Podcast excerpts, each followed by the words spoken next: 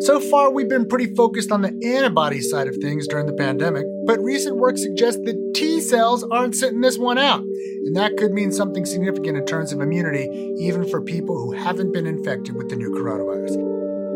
Smittan ökar fortfarande i vårt avlånga land och vi går och väntar på ett vaccin. Under tiden så pratar vi om antikroppar och ibland också om flockimmunitet. I våras då pratades det mycket också om T-celler och vilken effekt de kunde ha på viruset. Men nu har det varit rätt tyst om T-celler ett tag och det är fortfarande ovisst hur länge antikroppar lever kvar i kroppen efter en påvisad covid-19-infektion. Vad är nu det senaste när det gäller T-celler och antikroppar? Vad kan ett vaccin göra för oss och kan vaccinet innebära att vi kan börja leva som vanligt igen? Det här tar vi upp i dagens Aftonbladet Daily. Och det gör vi med Annika Karlsson. Hon är docent i virologi och forskare på Karolinska institutet. Just nu så studerar hon och några andra immunförsvaret mot covid-19. Och hon får börja med att berätta vad de har sett så här långt. Jag studerar immunförsvaret och framförallt då T-cellerna mot eh, covid-19. Och eh, där följer jag upp en studie som Marcus Buggert har gjort tidigare som presenterades i Cell Eh, där de i en ganska stor antal individer innan eh, covid-19-utbrottet kunde se immunförsvar mot eh, antigenet då, sars-cov-2, det som, ut, som leder till covid-19. Och där försöker vi nu förstå vad betyder de och har de någon inverkan på T-cellsimmuniteten mot covid-19? Och det vet vi ännu inte. Finns det någon skillnad på hur man ser på det idag och jämfört med hur det var i våras? Det som är skillnaden eh, kan jag tycka, det är att man börjar få en bättre förståelse för att immunförsvaret är väldigt komplext. Eh, det består av olika armar. Eh, vi har antikropparna som kan blockera viruset och neutralisera viruset. Vi har T-cellerna som inte kan eh, blockera själva viruset, men de eh, tar bort och eliminerar virusinfekterade celler. Eh, och även så hjälper T-cellerna till när vi ska utveckla antikroppar för att få ett bättre antikroppssvar mot ett virusinfektion. Då. Så att det tycker jag är viktigt att poängtera, att det finns flera armar och att alla armarna är viktiga. Är det så att, de, att man har, alla har T-celler i kroppen, är det så? Alla har T-celler, det är en del. Och om du inte har någon immunbristsjukdom. Mm, och då, men, men alla andra har T-celler i kroppen. Vi har B-celler som, som eh, bidrar till att vi utvecklar antikroppar. Och är det så att, eh, har man sett det att det är så att alla som får covid-19 får till exempel antikroppar? Man har sett att eh, alla som, där man vet med säkerhet eh, att de har varit eh, positiva, så man har ett positivt som vi kallar PCR-test för covid-19 där man tittar på om vi har viruset i, i svalget eller i näsan. Eh, om man har haft ett positivt sådant test, eh, då beroende på vilken test man har ut, utfört eh, så har majoriteten utvecklat antikroppar efteråt. I våras då sa vissa forskare att dubbelt så många kunde vara immuna tack vare T-celler. Och nu mm. säger andra forskare att T-celler egentligen nästan alltid hänger ihop med vanliga antikroppar. Vad, är det, vad gäller?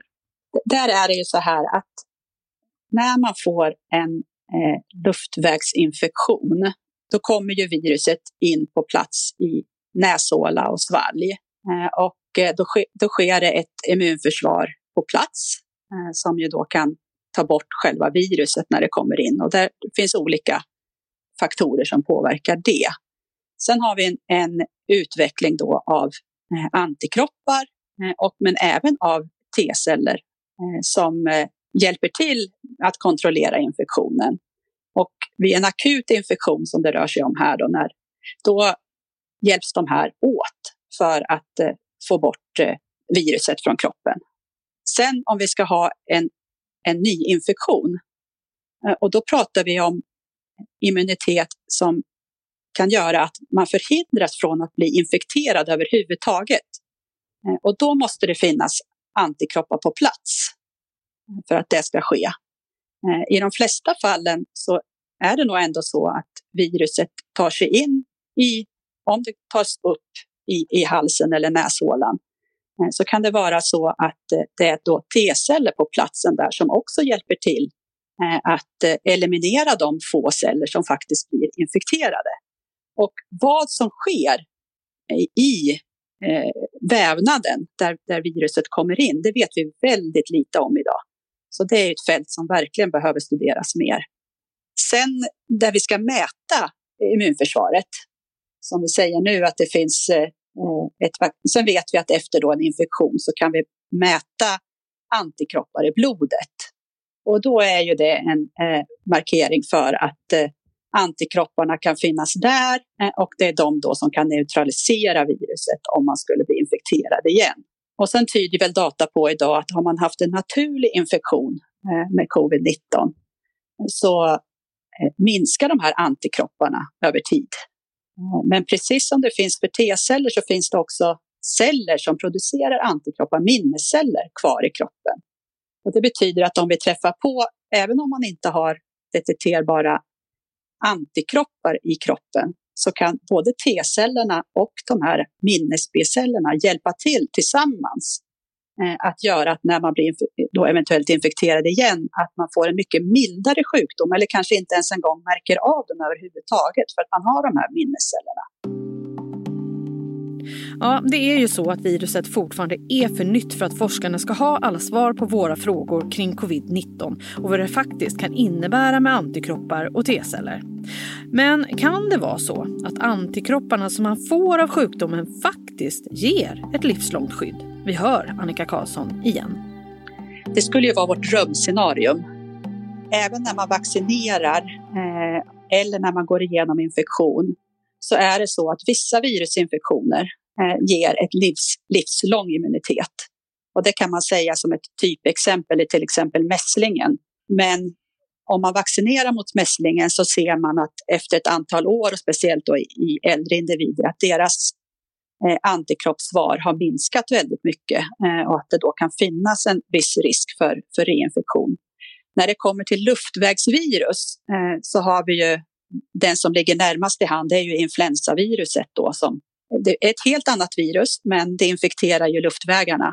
Här är det så att det är ett RNA-virus och där är det själva viruset som förändras så mycket eh, över tid. Och det finns väldigt många olika influensavirus som cirkulerar. Och det gör ju att vi vaccinerar mot influensa varje år. Eh, så det har inte att göra med att vårt immunförsvar mot det, det virus eh, som vi in, eh, vaccinerade mot eh, försvinner. Men viruset har förändrats. Covid-19 är också ett RNA-virus, eh, men förhoppningsvis så sker den här förändringen eh, över tid långsammare mot covid-19. Så det skulle tala för att både om vi har varit infekterade och om vi vaccinerar att eh, de antikroppar och de minnesceller som finns, både B och T-celler i kroppen, eh, skulle kunna finnas där eh, och hjälpa oss under en, en längre period. Men hur långt den, den perioden är, om det rör sig om månader eller om det kommer att röra sig om år, det är någonting som, som vi vill veta mer om och som behöver studeras. Och det är en av de här faktorerna som är, är, är omöjligt att besvara idag. Så vad kan eh, ett vaccin sen eh, ha för effekt på en person som till exempel har antikroppar? Egentligen eh, så där, där, det vet vi inte heller idag kan jag säga, för det har vi inte studerat. Det kommer vi att kunna studera i, i framtiden efter att vi börjar att vaccinera. Och det är också det här som gör att även om vi får vaccinet så, så är det ju en del faktorer som är okända. Jag personligen skulle tro att eh, det enda som kan hända är att eh, vid injektionsstället, om man nu har antikroppar eller minnesceller eh, som snabbt reagerar mot det här eh, vaccinet så får man kanske en lokal inflammation eh, som blir lite, lite starkare då än, än eh, om du inte hade haft eh, ett, ett immun, fungerande immunförsvar redan. Eh, men det skulle, jag har svårt att se mycket svårt att se att det skulle ske några allvarliga biverkningar för att man tidigare har genomgått en covid-19-infektion. Men det kanske inte tillför något till immunförsvaret. Det vet vi inte. Men eh, vad tror du, kan antikroppar och, och T-celler alltså betyda någonting för flockimmuniteten som man också har pratat eh, om det? Tror du att vi kommer uppnå det?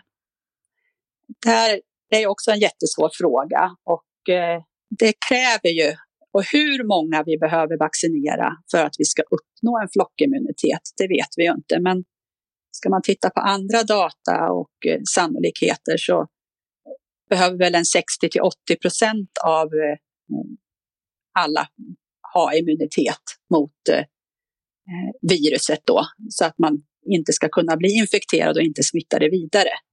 Men det innebär ju också att eh, de här personerna som har en immunitet, att de har en förmåga att göra sig av med viruset innan man smittar viruset vidare. Och det är här vi inte riktigt vet heller, att även om man inte har några symptom så finns det ju en, en möjlighet att viruset hinner börja replikera och, och, i så fall skulle man kunna fortfarande vara lite smittsam. Men det, är, det hoppas jag verkligen att det inte är så, men det, vi vet inte idag.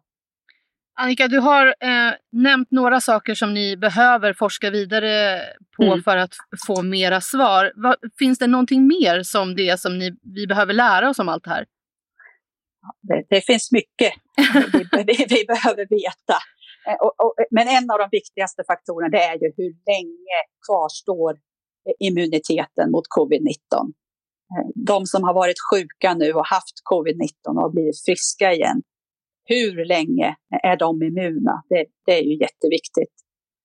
Det blir också jätteviktigt att studera i, i vaccinerade Ehm, så ser det ju jättelovande ut de data som har kommit ut.